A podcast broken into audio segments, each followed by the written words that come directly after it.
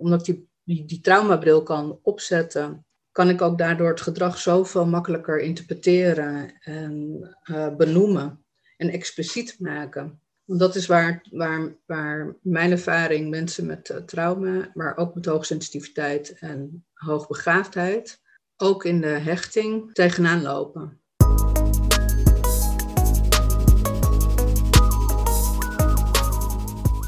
Fijn dat je luistert naar deze speciale podcastreeks Hoogsensitiviteit, een special vanwege de week van de HSP, Hoogsensitieve Persoon. Mijn naam is Suzette Lemmers en tevens maker van de podcast Hoogbegaafd en Liefdespijn. In deze speciale reeks neem ik jullie mee in mijn speurtocht naar antwoorden op vragen op het gebied van hoogsensitiviteit in combinatie met hoogbegaafdheid. In deze week van de HSP iedere dag inspirerende interviews met experts op het gebied van HSP en hoogbegaafdheid, met daarin waardevolle inzichten en praktische tips. Welkom Kim, welkom bij mijn eh, podcast Hoogbegaafde Liefdespijn en vooral voor de week van de HSP, deze speciale reeks Hoogsensitiviteit. Ja, ik ben dus in gesprek met eh, Kim Lakke van Hartverstand, Therapie en Coaching. Nou, nogmaals, Kim, welkom. Uh, nou, stel je kort voor en neem uh, ons mee op de weg hoe jij HSP, eh, bent geworden. Ja, ik ehm, denk dat ik vanaf kind af aan al een bepaalde hooggevoeligheid had. En dat was ook te merken op de basisschool al.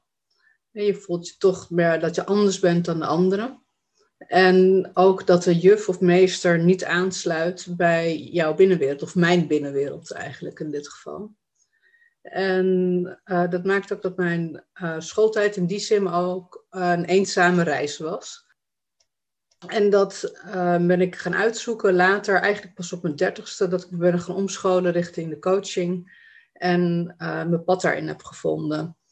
Om te kijken van wat maakt dan dat ik um, zo alles kan aanvoelen. En um, op een andere manier denk dan de mensen die ik in het opgroeien ken, zeg maar. Um, nou ja, dat, daar, tien, twintig opleidingen verder heb ik daar wel een antwoord op gevonden. En um, nou ja, de link ook met een andere manier van begaafd zijn. Want hoogbegaafd uh, vind ik zo'n woord, dat, dat, dat trilt dan ook weer gelijk op zo'n hoog IQ. En um, dat is het net niet. Ja, daar voel je je niet prettig bij bij het woord, of je herkent je niet in die algemene omschrijving? Nee. Nou, in de algemene omschrijving wel, maar ik voel me ook niet helemaal prettig bij het woord, omdat ik dan continu um, het gevoel heb dat ik slim moet zijn, of dat ik intelligente antwoorden moet geven, of dat ik het moet weten. Ja, dus dat doet een appel op mijn um, uh, behoefte om um, naar perfectie te streven. Zeg maar. Ah, oké. Ja, interessant. ja, jij gaf aan van dat je in je jeugd al merkte dat je hoogsensitief bent. Eh, kan je zo'n situatie aangeven dat je als kind dan merkte, hey, er is iets met mij of met mijn omgeving? Hoe, eh, hoe was dat voor jou? Ja, ik had op de, um, ik was net verhuisd van, en dat was eigenlijk voor mij dan de tweede basisschool. En de juf die, uh, ik gaf aan dat ik iets heel spannend vond bij een bepaald meisje. En um, ja, de juf zegt nou, dat gaan we wel samen oplossen. Uh, nou, fijn. Ik weer terug aan die tafel en het lukte niet. En ook niet met het samen. En ik dan toch weer terug aan de juf vragen van... Goh, nou, ik wil echt aan een andere tafel zitten, want ik, ik vind het niet fijn bij dat meisje. En toen werd de juf boos op mij. Hmm. En dat, vind ik een, uh, dat vond ik toen een reactie die, uh, waarbij ik eigenlijk dan... Moet je voorstellen dat je, dat je vier jaar oud bent. Hè? Ja. En dat je dan al naar de juf vraagt en dat je heel duidelijk bent in wat je wil. En dat je eigenlijk een hele aparte reactie daarop krijgt ik weet nog dat ik heel erg boos werd daarom. En denk, ja, dat, dat klopt niet. Hè. Er komt een rechtvaardigheidsgevoel wat heel erg hoog is. Um, en uh, toen uh, heeft ze me gewoon letterlijk een klap gegeven. Zo, ja. Ja, dus dat was eigenlijk mijn eerste ervaring van met op de nieuwe school met de nieuwe juf, die daarin, uh, nou ja, mijn behoeften die ik heel duidelijk kon uitspreken op dat moment, niet kon horen. En ook niet in kon meebewegen. Achteraf heb ik dat natuurlijk over geanalyseerd. ik, Hoe kan dat dan? En ik snap het dan. Dat meisje waar, waar ik bang voor was, was zij ook heel erg bang voor. Ze was een geadopteerd meisje en daardoor ook um, nou ja, best wel agressief gedrag, behoorlijk agressief gedrag. Ja. Nou, dat is wel een heftige eerste kennismaking dan met een nieuwe school. En, en ja, kon je dat nog bij iemand kwijt daarna? Weet je dat nog? Want het is natuurlijk heel jong, vier.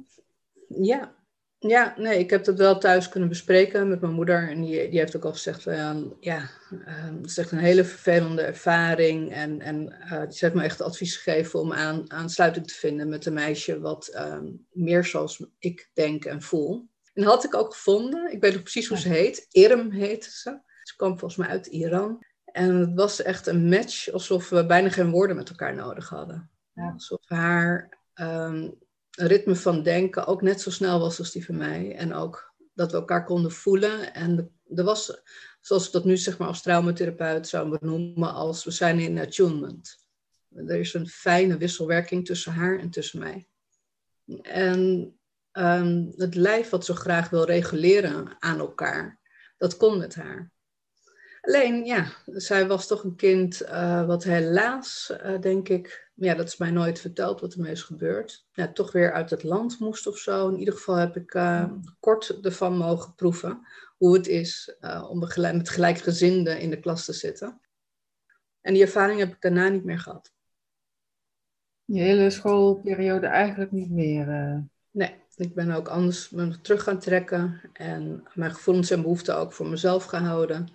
En dat, doe ik eigenlijk nu met geweldloze communicatie, um, met cliënten ook. Um, zet ik dat weer in om weer opnieuw te moeten leren van ja, zo voel ik me en dit is wat ik wil. En nou is dat natuurlijk door deze traumatische ervaring um, behoorlijk uh, de kop ingedrukt, zou je kunnen zeggen. En ja, toch weer opnieuw tevoorschijn komen met je eigen binnenwereld. dat is mijn reis. Ehm, en hoe is de verdere schoolperiode voor jou verlopen? Ja, je werd eigenlijk niet erkend in, in wie je bent. Het lijkt me vrij moeizaam om dan op school mee te komen. Ja, er zat een bepaalde mate van onveiligheid. En ja, we weten als het brein dus op stress staat, dat het leren dan heel erg moeilijk gaat. En uh, dat werd ook niet onderschept. Ik had achteraf gezien dat ik heel graag in een aparte klas uh, gezet geweest, waarbij ik dan uh, dingen had geleerd over de kosmos of over planeten of zo. Hè? Dingen die, uh, die me op een andere manier hadden geïnteresseerd in ieder geval. Dat mij had heel goed geweest voor mij, ja. Ja, en uiteindelijk is dat niet opgepakt door... Uh, nee, nee, dat was in die tijd denk ik minder. Dat je van die HB-klassen had of dat je daar op een andere manier zou leren. En ik had het ook nodig gehad om te leren leren omdat ik heb niet geleerd om de kleine stapjes te doen. Omdat ik ervan uitga dat ik het in één keer soort van wel begrijp. Dus al die stappen om het eindresultaat daadwerkelijk te gaan begrijpen. Ja, dat heb ik in het, nu nog aan het leren eigenlijk zelfs. Ja, ja. klinkt herkenbaar. Tenminste, ik weet wat het einddoel moet zijn. Voor mij weet ik ook hoe het eruit ziet. En dan het liefst in één keer zo ook hebben. Maar ja, ja dat, zo werkt het helaas niet, hè? Nee, nee, nee dat weet ik ook. Nee. Ja. En dan komt het toch op succesangst of faalangst. En um, nou, ook daarin, wat ik weet, kan ik ook weer doorgeven aan cliënten. Hoe ik dat ook zelf herken. Um, ja, en ik, wat ook mij ook helpt, is die uh, groeimindset. Dat heeft me ook geholpen. Het helpt mijn cliënten ook. Ja, hoe werkt dat? Een groeimindset, dat gaat ervan uit dat het niet het resultaat ertoe doet, maar hoe je er komt. Dus de, de, de inzet die je daarvoor uh, voor hebt gedaan. Uh, dus complimenteren gaat veel meer over uh, je gedrag dan het doel. Dat is een hele mooie. Ja, dat helpt. Dus, ja. ja, dat is een hele mooie. Nu ik er zo over nadenk, ja, het resultaat, ja. Het telt dan niet de weg ernaartoe, dat is, dat is dan eh, ja, het mooiste eigenlijk wat je kan ervaren. Nou, voor mij is het sowieso een uitdaging om terug te kijken. Hè, van, uh, soms denk ik, bij mij gaat het niet snel genoeg. Herken je ook mhm. wel bij je klanten van, uh, dat het wat sneller mag eigenlijk? Ja, ja, ja zeker, zeker. Ja. ja, en ik probeer, ik, ik, voor mezelf heb ik het grapje van, ja, je wil als een professor aan de opleiding beginnen. Ja, inderdaad. Dat is een mooie. ja, dat is echt van ja, dat, dat, is de onmogelijkheid ervan vind ik alleen al grappig.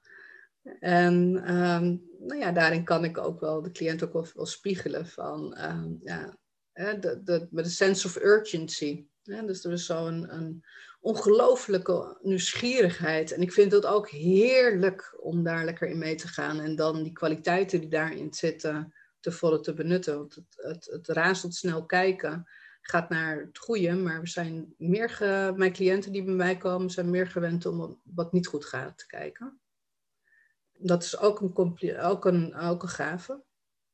Ehm, maar het doet ook wat met je kwaliteit van leven. Ja, dat is een hele mooie. Is dat specifiek van, voor de groep van hoogsensitieve, begaafde, hoogbegaafde mensen? Of uh, zie je dat ook nog ergens anders bij andere mensen? Ik denk dat het voor ieder mens is. En als we het specifiek over onze doelgroep hebben, dan gaat het over um, het beleven van de polariteiten in het integreren van de kracht en de kwetsbaarheid. En jezelf op die manier begrenzen, maar ook um, je kwaliteiten met name in te gaan zien. Dus wat kun je dan zo goed? En daar eigenlijk um, daarop te gaan focussen en dat te gaan uitvergroten. Ik werk bijvoorbeeld met Playmobil poppetjes, dat heet een term, dat heet uh, verlies in beeld. En dan ga je kwaliteiten letterlijk uitbeelden. Dus je ziet wat je zo goed kan. Hè? Wat ik in HB zie is um, dat ze ongelooflijke chameleonnen. Het is buitengewoon hoe, hoe wij of zij, hoe je het noemen wil, aansluiten bij wat er is op het gevoel.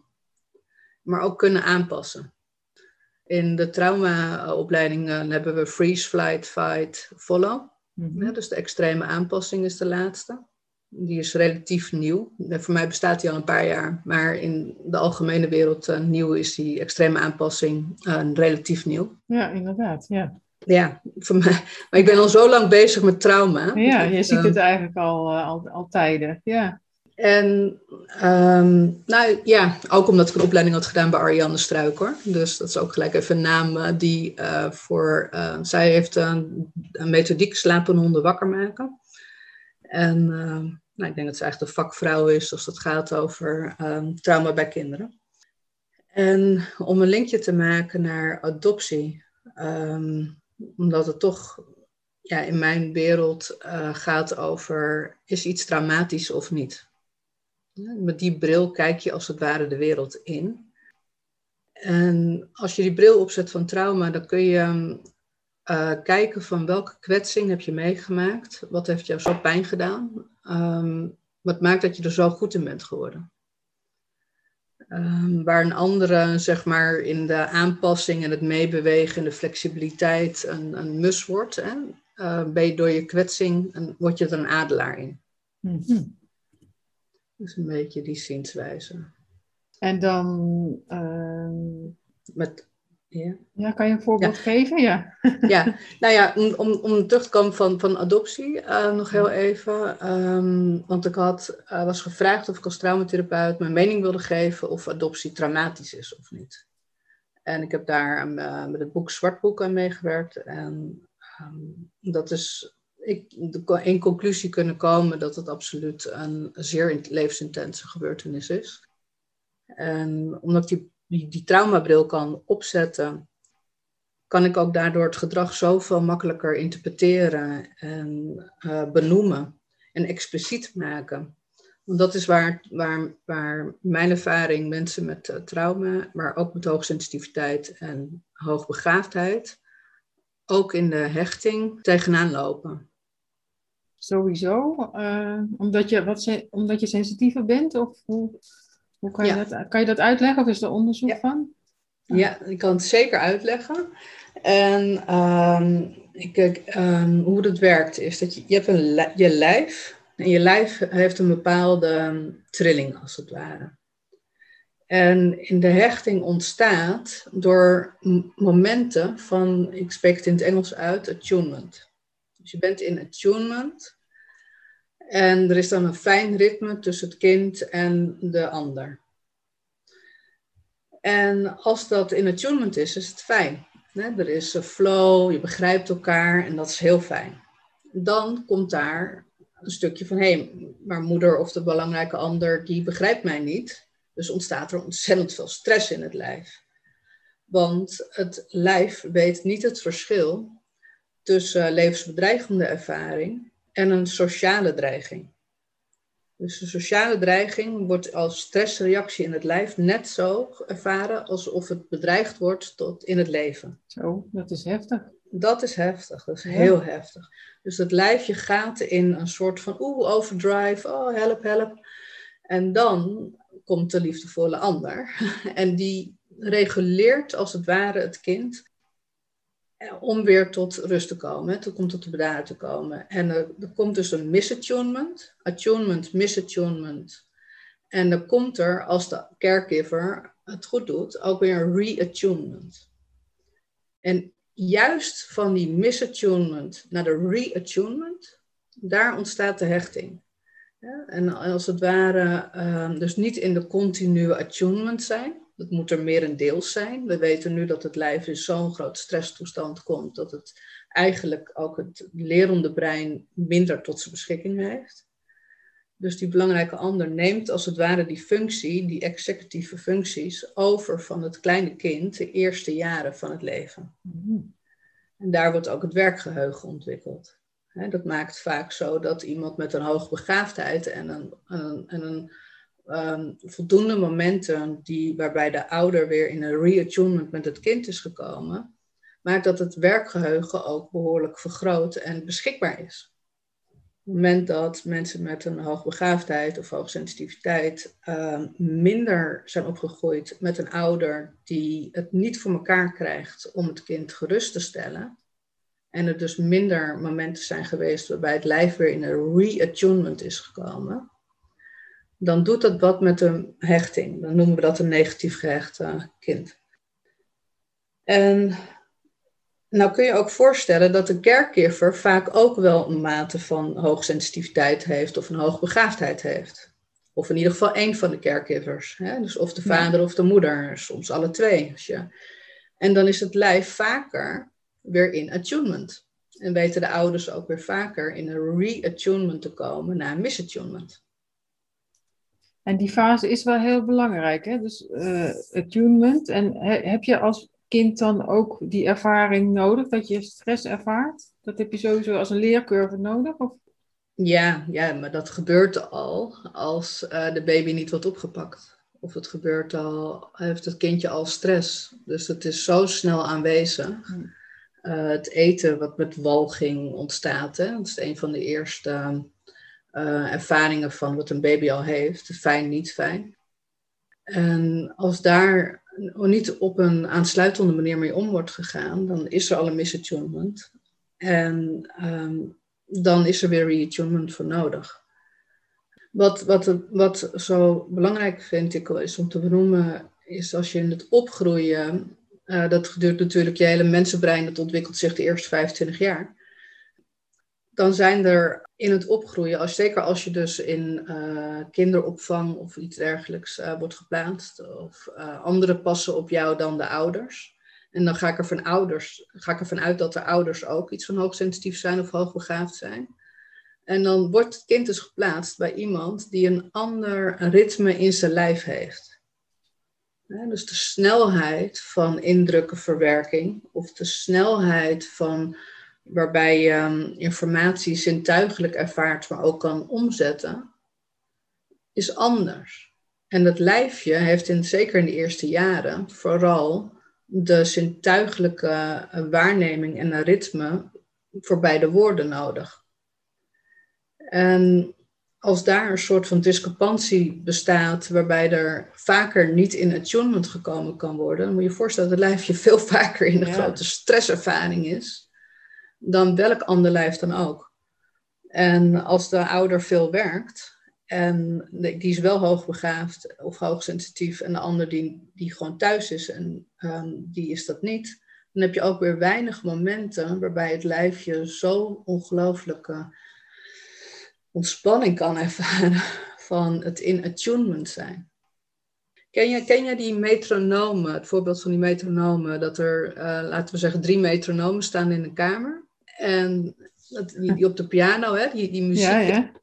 En uh, zet een aantal ervan in één kamer. Zet ze allemaal aan, gewoon willekeurig. En na een aantal minuten, twee, drie minuten, gaan ze allemaal tegelijkertijd tikken. Ja, Het is een magisch moment. Echt een magisch moment. En het wonderlijke daaraan is, is dat het zo goed te plaatsen is met onze lijven. Onze lijven willen graag in attunement zijn. En we willen graag begrepen worden. Ja, zonder, zonder daar al woorden voor te moeten gebruiken. Want ja, woorden, ja, ik vind woorden soms ook heel lastig hoor. Dat is maar zo'n klein deel van wat er allemaal al is, dus eigenlijk. Ja, ja. ja precies, precies. Dat de totale communicatie. Dus als je dan, jouw podcast gaat ook over liefdespijn. Ja. Dat het daar voor mij in de basale, uh, in de basaliteit echt over gaat. Ja. Vaker niet begrepen worden. Uh, het moeten uitleggen waar je bent. Um, wat ik uh, ook wel heb, is dat uh, dat je gedachten al ergens anders zijn, waar de ander is. Hè? Dus um, je doet zelf ook iets daarin. Dus het vraagt heel veel vermogen om mindful, als het ware in het hier en nu, in contact te blijven met de ander die nog zoekend is in het, in het woorden of in het gevoel. En het vraagt dan vertragen, vertragen, vertragen, vertragen. En nou ja, dat is wel een weg. Ja, maar eh, de weg is dan dat je elkaar ook begrijpt in, in wat je wil of wat je doet, toch? Zo Zeker. Hè, maar ja, dat, dat is nog wel uh, een behoorlijke impact. Zoals jij het nu vertelt, uh, hoor ik het heel weinig. Dank je. Ik ja. had gehoopt al een beetje onderscheidend te zijn in alle andere podcasts. Ja, en uh, dat heeft een behoorlijke impact. En die kan je ook volgen daarin. Hè? Het, het klinkt voor mij heel logisch zoals jij het vertelt. Want ja, volgens mij zijn we in deze maatschappij, vooral de westerse maatschappij, echt heel veel verloren. Het hoofd zit er nog ergens, maar ja, de rest van het lijf doet volgens mij bijna niet meer mee. Uh. Nou, als, ik ben heel erg uh, van het lichaam, en lichaamsgerichte uh, therapie, maar ook met het hoofd. Hè? Dus mijn, um, ik heb mijn, ja, mijn organisatie heet Kim Lakker, maar ook hartverstand. En ik denk dat het verstand en het hart en de verbinding daartussen, en het gevoel van eigenwaarde en dat je er toe doet. En dat je weet dat je er toe doet, maar ook weet hoe je er toe doet. Ik denk dat dat met hoogsensitiviteit en met begaafde um, extra belangrijk is. Als ik het zo mag zeggen. Ja. Ja, ook omdat je de dingen aanvoelt zonder dat je er woorden voor gebruikt of uh, ja, op een andere manier communiceert. Ja, weet je. Ja, en hoe, uh, hoe kan je daar praktisch iets mee? Laat ik het ook zomaar even zeggen. Met het verstand komt het dan weer van, ja, uh, bijvoorbeeld, ik ben uitgevallen twee jaar geleden met een burn- en een bore-out. Ja, er zijn tegenwoordig zoveel mensen die buiten het systeem vallen, zo zie ik het maar. Ik zie heel veel systemen op omvallen staan, ze werken niet meer. Ja, misschien voor de ene helft wel, maar de andere helft niet. Dus ja, mm-hmm. hoe, mm-hmm. bijvoorbeeld, eh, stel je zit op je werk en je voelt dat de energie weg hebt, dat je eigenlijk niet op de goede plek zit. Heb je tips hoe je dat dan kan doen, wat je daarmee kan doen? Ja, ja. Um, kijk, het, een van de gaves uh, is dat je razendsnel verbanden kan leggen. Dus je ziet vaak uh, heel snel de oorzaak en gevolg. Klausale verbanden zijn zo gemaakt. En in het assertief denken, um, daar zit ontzettend veel creatiekracht en verbeeldingskracht. En vaak heel veel passie. Maar op het moment dat je niet um, je roeping met je, wat je te doen hebt hier op aarde, je bezielde leven uh, niet kan voelen, niet kan waarnemen. En ik denk dat het in hooggevoelig en hoogbegaafd zeker gaat over betekenisgeving. Dus over de laag van zingeving. Um, omdat wij een diepere laag ontmoet willen worden. Ja, we willen, we, je hebt de bovenste laag van emoties, boven de ijsberg. En ik denk dat veel mensen in deze maatschappij boven de ijsberg leven. En voor hooggevoelig en hoogbegaafd gaat het vaak over wat is de vraag achter de vraag. We zijn daar met name geïnteresseerd in. Ja, je bent boos. Oké, maar wat zit er dan onder boos? Ja. Hoezo, wat zit er onder boos? Ja, ja maar, maar, stel dat er wat onder nog zou zitten. Is het dan bang of verdriet? Hè? Dus, dus, dus en alsof we altijd zo nieuwsgierig en behoeftig zijn naar wat is dan die kern? Wat is de essentie? Waar gaat het over? En um, nou, er zijn meerdere wegen die uh, naar Rome leiden. De ene is een soort van zwerver en die komt wel op zijn bestemming. Maar die weet echt niet hoe die, nou, wat de volgende stap is. En, dat, en de andere is een soort van pelgrim. En die gaat ook op weg. En, uh, maar die weet precies, ja, dan ga ik dat doen. En dan ga ik zus doen. En dan ga ik zo doen. En ook die pelgrim komt ook op zijn bestemming. Net als de zwervers. Komen er alle twee. Dus uh, maar als je dan wel pelgrim bent en je wil zeg maar wat meer weten over wat jij te doen hebt um, op deze aarde, dan kan je bijvoorbeeld het spelen van een talentspel. En uh, dat gaat langs de archetypes je leren kennen, volgens uh, de psychoanalyse van um, Carl Jung. Ah, is daar ook op gebaseerd. En dat raakt. En dat doe jij juist, ook? Dat, ja, okay. ja, zeker. Dus dat raakt juist die onbewuste laag. Dus juist wat we niet zien. Dus die onbewuste, diepere gevoelslagen of, of gevoelservaringswerelden. Um, nou, daar ga je persoonlijk leiderschap op nemen. Je gaat daarop je leiderschap nemen als, als het ware de koning of koningin van jouw koninkrijk. Met jouw talenten. En die talenten die moet je ook natuurlijk managen. Want je kan niet alleen maar blijven onderzoeken en blijven nieuwsgierig zijn. Dat moet ook een keer stoppen. Het moet ook in de materie komen. Het moet ook ja, ook ergens landen. Zeg maar. Het moet integreren in het lijf, maar ook in je handelen moet het zichtbaar zijn. En aan het eind van het spel formuleren we dan samen uh, met de jou gecreëerde woorden de, de levensmissie. Dat is een heel ontroerend moment. Dat, dat, geeft, dat geeft richting, het geeft vreugde, het geeft bezieling. En zo word jij de, nou, de reis van de held. Zo Mooi, ja. Dus eigenlijk iemand die al heel lang op zoek is naar iets en dan door dit uit te gaan zoeken, dan, dan kom je daar ook waarschijnlijk. En dan voel je ook in je lijf ja. het, dit het ook is. Ja, omdat de, de, ziel, de bezieling, je, je eigenheid of je puurheid of je hogere zelf, er zijn wat uh, vele woorden vanuit vele verschillende opleidingen, zeg maar voor. Je kan ook de eigenheid zien als jouw vierjarige pure zelf. En de ander noemt het de ziel. Het, voor, mij, het, voor mij is het helemaal oké. Uh, maar als zolang we het, het de pure nou, kind, als je het zo zou willen noemen, uh, niet adresseren en de speelsheid en de spontaniteit in deze samenleving uh, minder integreren, dus dat het net even wat allemaal net iets te serieus wordt, um, dan hebben juist hooggevoelige en hoogbegaafden als gaven de kwaliteit van nieuwsgierigheid een soort eindeloosheid daarin. Ja. Ehm, met het enthousiasme en daar doel en richting aan kunnen geven. En dat is waar onder andere talentspel of verlies een beeld ook zeker bij kan helpen. het richt als het ware op de positieve psychologie. Wat, wat, gaat er al goed? Wat, wat kan daar meer van? hoe kan je jouw gaven... Ja, in coaching gaan we het ook over de opgave ervan hebben. Maar dat doen we door juist de gaven in te gaan zetten. En is het ook zo, bij mij werkt het zo, ik ben in, in eh, veel dingen goed, hè, maar de dingen waar ik ook uh, talent voor heb, ja, die gaan soms zo makkelijk. Dus dat, mhm. ja, dat weet ik dan niet dat het mijn talent is eigenlijk, omdat het te makkelijk gaat. Hè? Dan denk je van ja, maar dat heeft toch iedereen? Hè? Zo, en af en toe word ik erop gewezen en denk ja, het is te makkelijk om het als talent te zien. Ja. Dus ik ben misschien ook gewend om hard te werken en dat dat de beloning is om hard te kunnen werken of zo. Is dat hmm. herkenbaar? Ja, dat is zeker heel erg herkenbaar. En het andere dan echt, uh, ja maar hallo, dat doe je echt hartstikke goed. Dat is iets wat jij kan, maar dat kan een ander niet. En dat is vaak dan ook een kwaliteit. Hè? Ofman die werkt daar ook zo mooi mee, mee met zijn kwaliteitenspel. En kwaliteiten is ook hartstikke leuk. Het gaat ook wat meer over het gedrag en wat je handelen. En talentenspel gaat echt over het onderbewuste met archetypen. En beide zijn mooie ingangen. Hè? En ik had laatst ontdek je sterke punten. Van, uh, vond ik ook een leuke manier om jezelf te leren kennen. En het gaat ook over het waarderen, het waarderend kijken ook het, over het waarderen wat, wat je al hebt. En dat vraagt reflectie en het vraagt vertragen. En het vraagt om het bijvoorbeeld uit te beelden met het verlies in beeld met uh, poppetjes, dat je het voor je ziet. Er wordt ook heel expliciet van. Hè?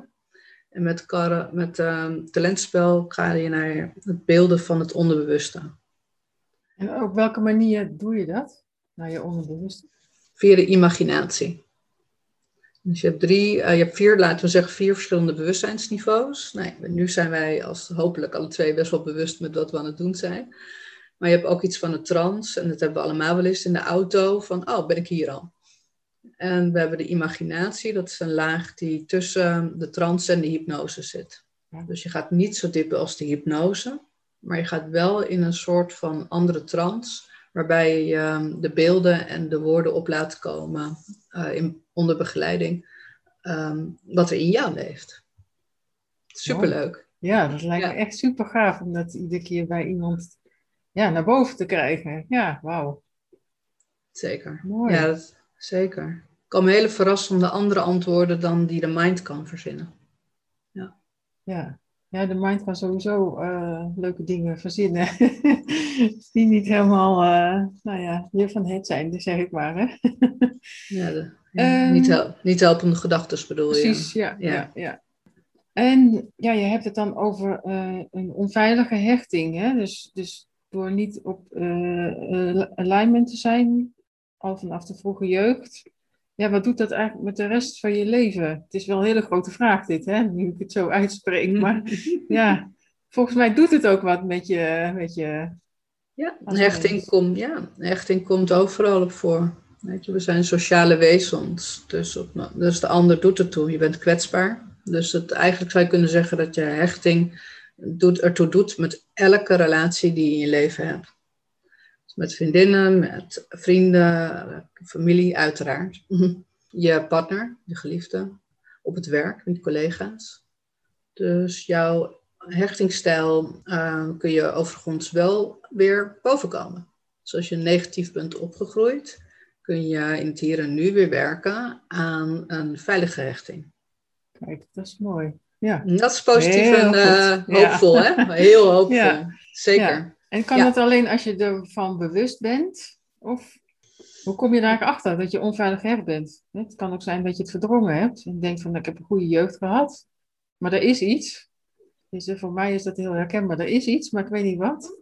En volgens mij heb ik een goede jeugd gehad. Maar ja, goed. Dat, dat, ja. ja, nou, dat, je hoeft geen levensintense gebeurtenissen mee te maken, zoals uh, mishandeling, verwaarlozing. Ik werk ook als trainer huiselijk geweld.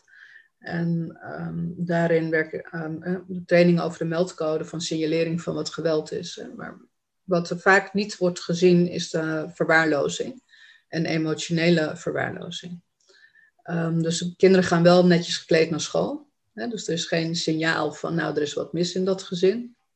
Alleen als er niet aan je wordt gevraagd hoe je dag was, hoe je erover, uh, niet, niet naar hoe je erover denkt of wat je voelt, of er is uh, weinig ruimte voor autonomie en vrije wil, dan zouden we kunnen kijken naar een andere vorm van nou ja, eh, beschikbaarheid van de ouder. Dus in hoeverre is het kind emotioneel, psychologisch beschikbaar voor het kind?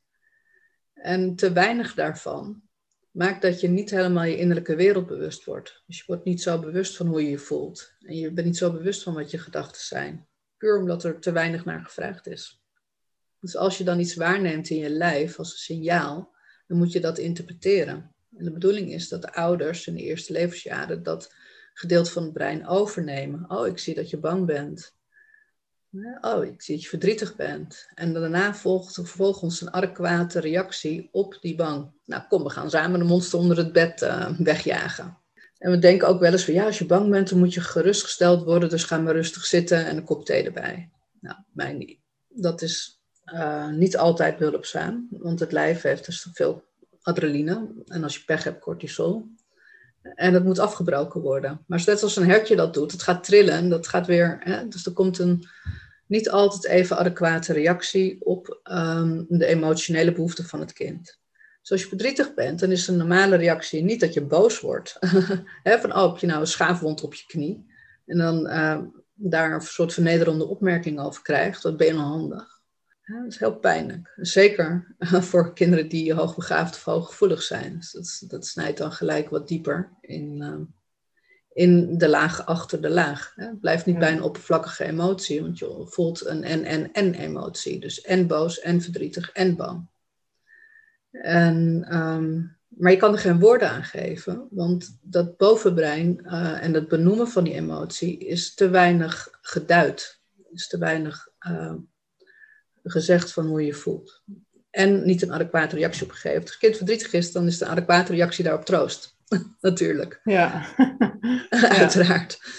Ehm, maar als dat onvoldoende, ehm, nou, niet in, nou, ik kom toch in attunement, ehm, niet voldoende in reattunement is gekomen en niet voldoende woorden gegeven zijn aan de innerlijke binnenwereld van het kind, en zeker als het een rijke binnenwereld is, um, dan zul je te sneller zien dat het niet gematcht wordt.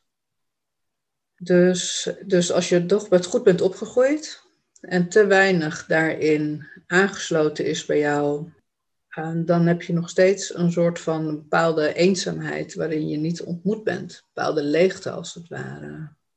En ja, dat, dat, daarin ben je nog zoekende. Dat maakt ook dat je hele lijf gaat zoeken buiten jezelf. Dat is ook vaker een hooggevoelige hoogbegaafdheid zo'n ontzettende grote expansieruimte heeft van een soort van aura die dan niet, niet twee centimeter om je lijf zit, maar gewoon wel, wel drie meter om je lijf zit als het ware. En die gaan, die gaan alsnog zoeken naar die attunement.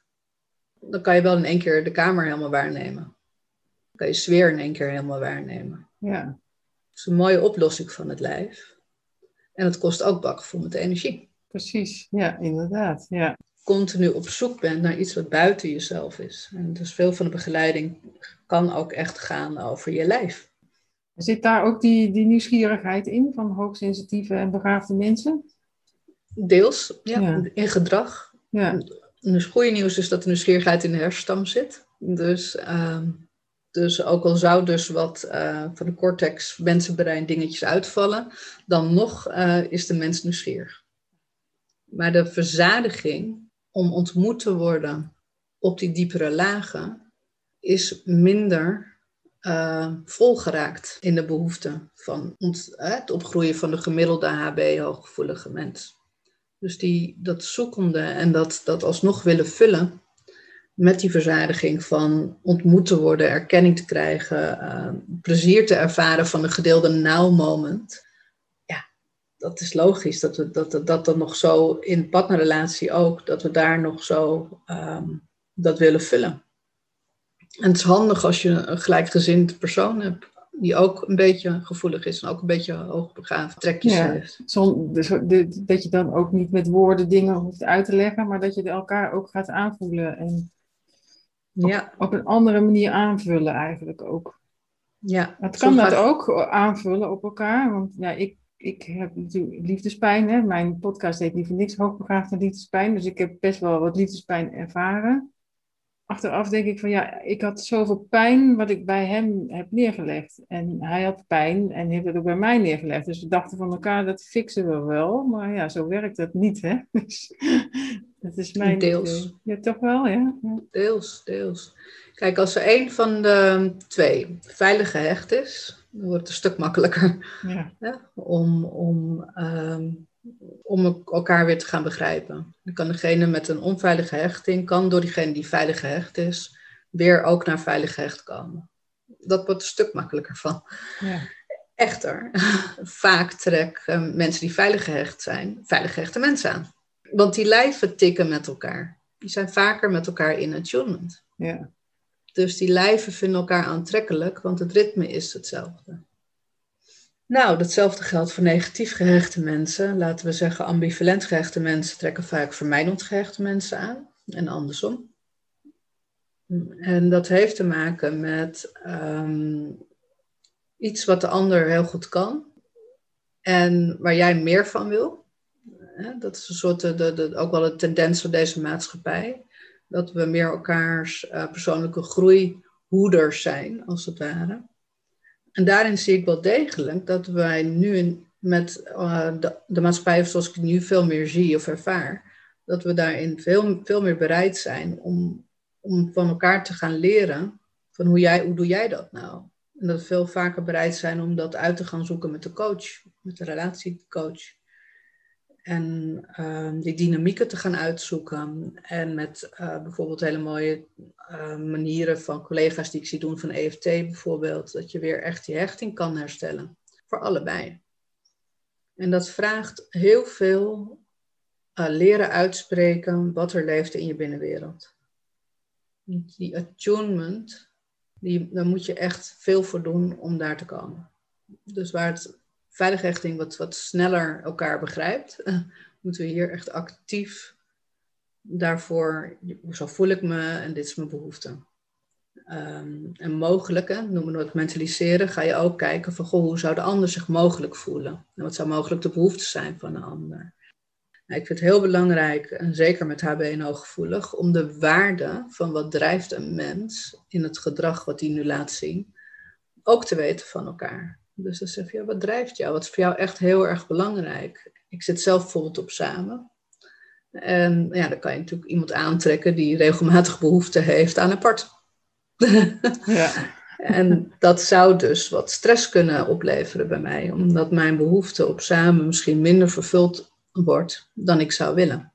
Dan kan ik mijn partner daar verantwoordelijk voor stellen en zeggen: joh, maak er een heel dorp van mijn partner en uh, die moet continu mijn behoefte aan samen vervullen. Of, nou ja, ik heb daarin kunnen leren, um, dit is semi-autobiografisch, um, hoe ik ook mijn behoefte kan vervullen aan samen. Ik kan ook met vriendinnen op pad gaan. Uh, ik kan uh, uh, leuke cursus ergens volgen waarbij ik weer iets samen doe. Of ik kan samen een training geven wat ik leuk vind om te doen. En zo kan ik mijn behoeften aan samen uh, vervullen los van mijn partner. Maar mijn partner kan weer leren van mij. Ja. Dus, dus, je moet ook ergens elkaar kunnen waarderen om wat goed gaat.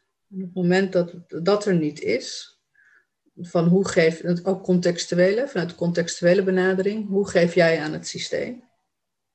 We kijken ook graag in de fenomenologie en ook al heel erg graag volgens Kierkegaard uh, van, oké, dus wat heb jij meegemaakt in je verleden? Um, Kierkegaard ook even zeggen van, ja, die, die, die zegt van, uh, het leven dient achterwaarts begrepen te worden, maar voorwaarts te worden geleefd. Ja, dus dan uh, kom je eigenlijk in, een, uh, in het hier en nu kom je in een soort van reenactment, van een soort herbeleving van een tekort van wat pijn heeft gedaan toen en daar.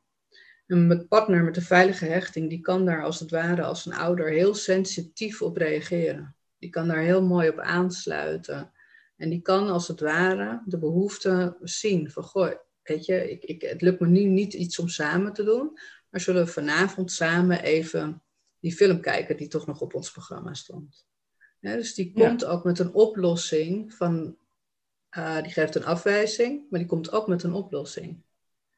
Ja, dus dat vraagt, uh, dat is ook een, vanuit geweldloze communicatie, is dat je, je zegt geen nee, maar je zegt, uh, je geeft een twee oplossingen wat wel kan.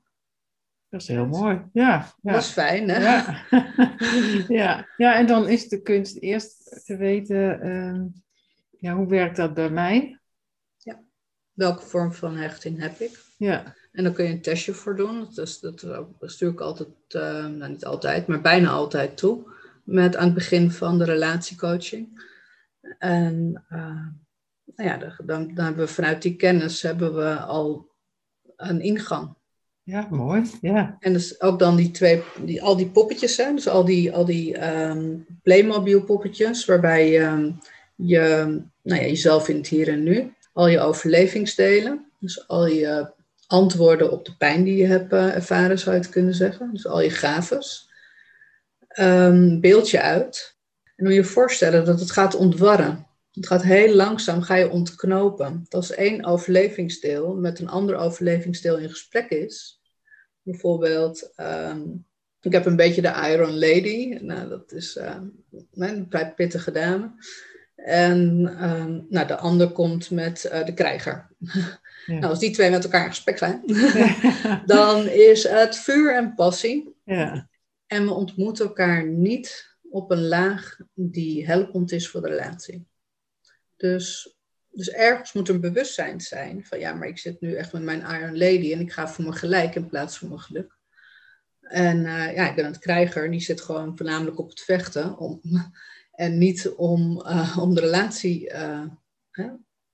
Maar als je dan naar de kijkt van, goh, wat, wat drijft die krijger nou?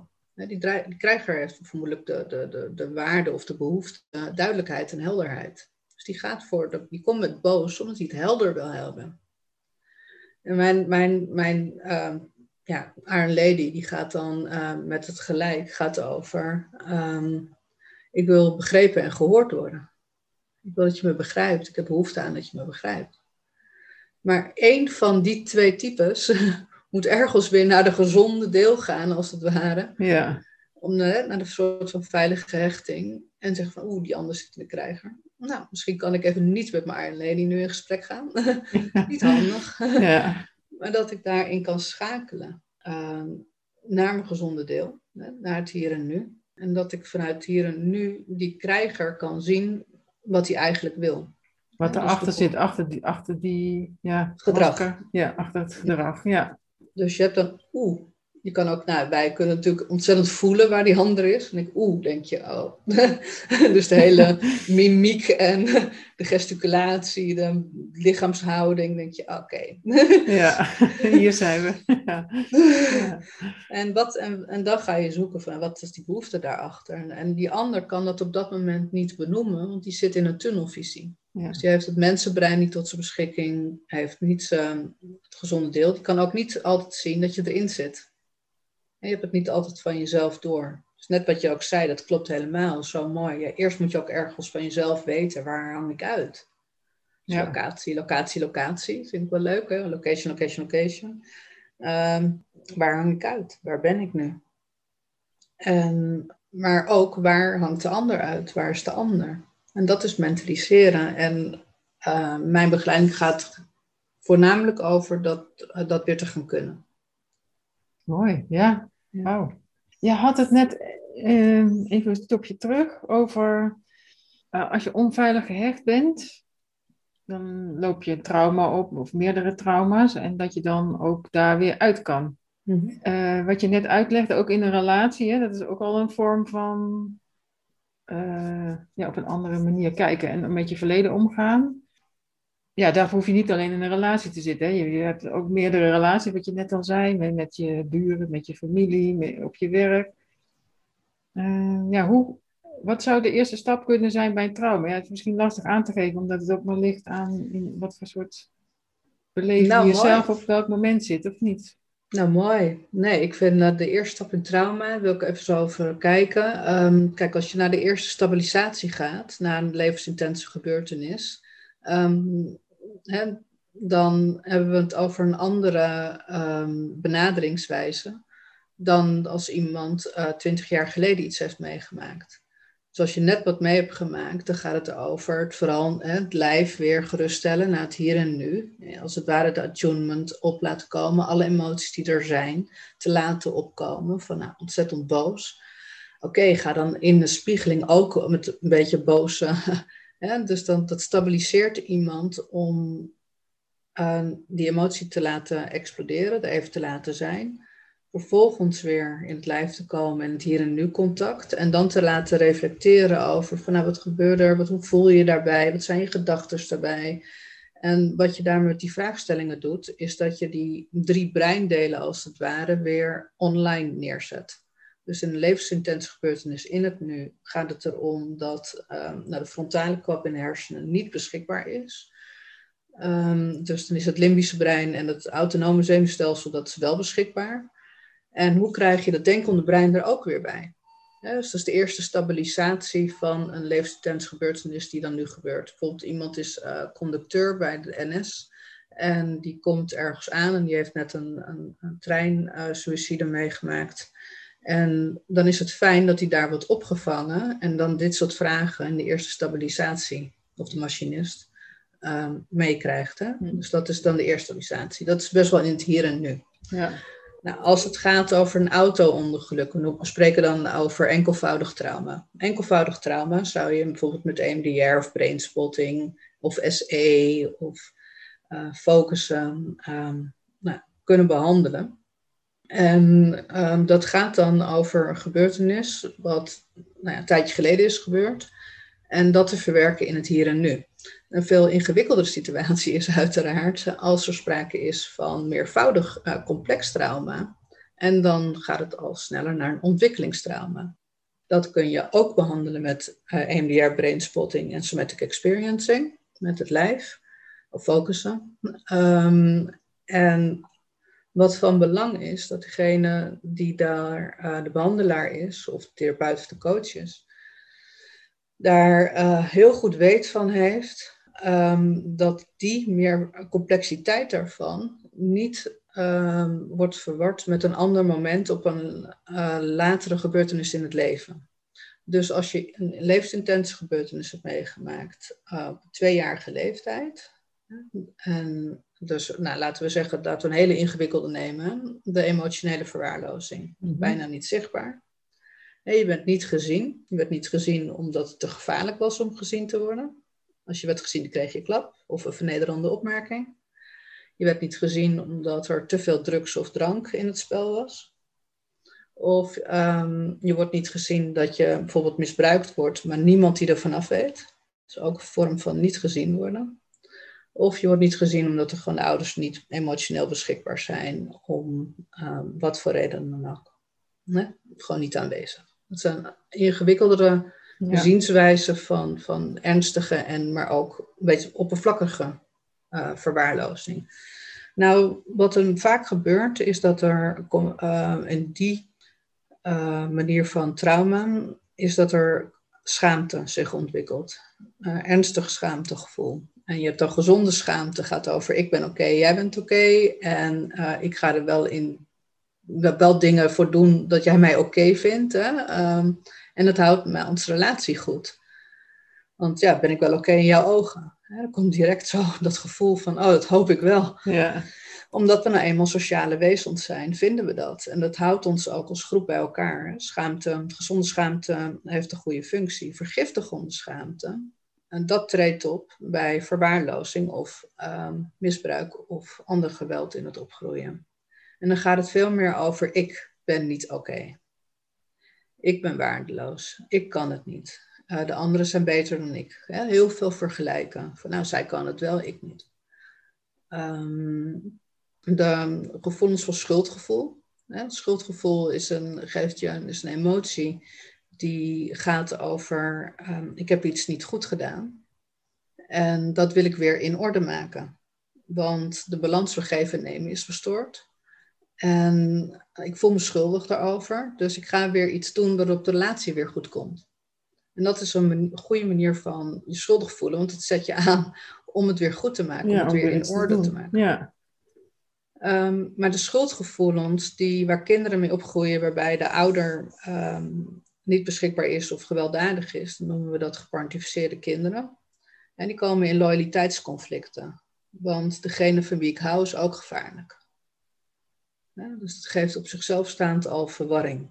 En alleen al die verwarring uh, maakt dat er een soort van gespleten loyaliteit moet komen bij de goede ouder en de slechte ouder.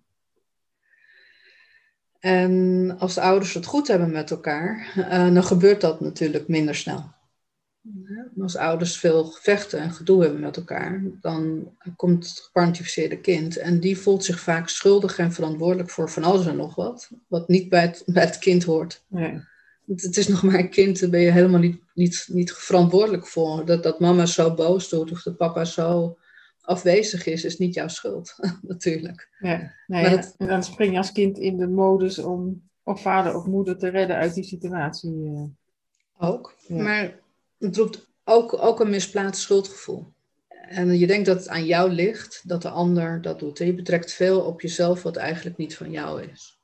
En dat, ja, dat is iets wat schaamte en schuldgevoel gaat niet helpen. Maar dat kan ook met somatic experiencing, EMDR en brainspotting, um, echt heel goed uh, meegewerkt worden. En het is, je hebt een boos, bang, blij, bedroefd um, body. en schuldschaamte en jaloezie zijn gevoelslagen van een diepere orde, ingewikkeldere, complexere orde. Maar daar kun je zeker met uh, traumaverwerking mee aan de slag. En ook van uh, enorm groot belang.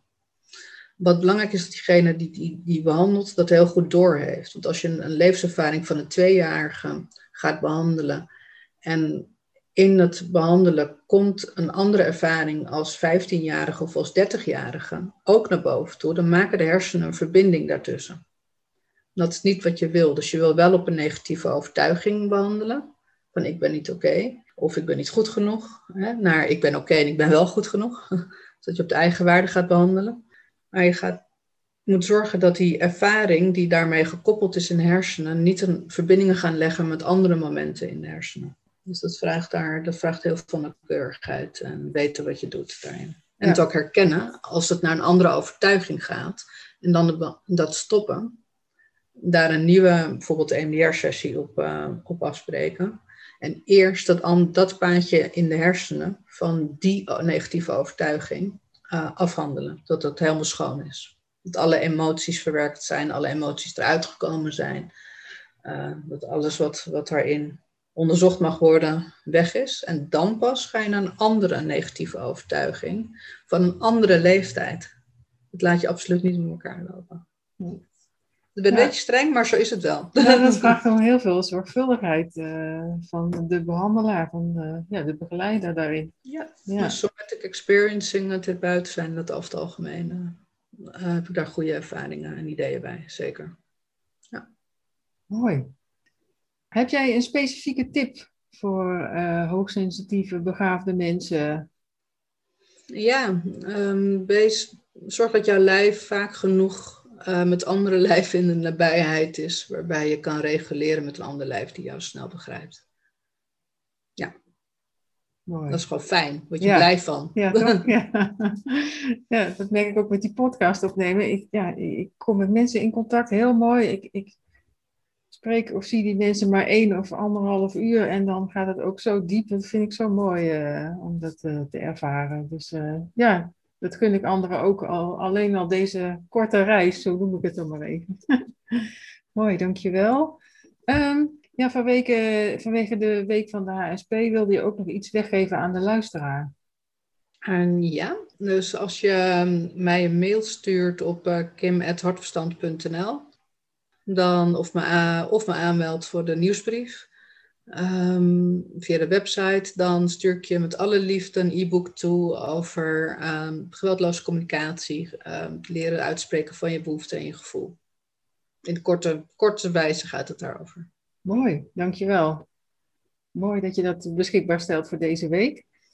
Uh, wat is de naam van je website? Waar kunnen de luisteraars jou vinden? Uh, nu nog op www.hartverstand.nl en zo direct op uh, www.kimlakke.nl. Mooi, dankjewel. Bedankt voor dit mooie, uitgebreide, intense verhaal. En uh, ja, hartstikke mooi. Ik, ik heb zoveel geleerd. dankjewel.